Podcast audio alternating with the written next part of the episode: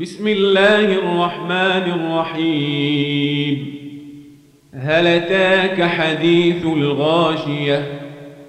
وجوه يومئذ خاشعة عاملة ناصبة تصلى نارا حامية تسقى من عين نانيه ليس لهم طعام إلا من ضريع لا يسمن ولا يغني من جوع. وجوه يومئذ ناعمة لسعيها راضية في جنة عالية لا تسمع فيها لاغية.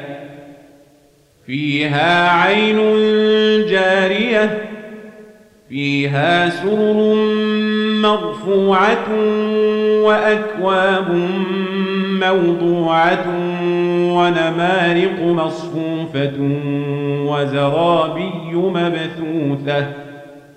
أفلا ينظرون إلى الإبل كيف خلقت وإلى كيف رفعت وإلى الجبال كيف نصبت وإلى الأرض كيف سطحت فذكر إنما أنت مذكر لست عليهم بمسيطر إلا من تولى وكفر فيعذبه الله العذاب الأكبر إن إلينا إيابهم ثم إن علينا حسابهم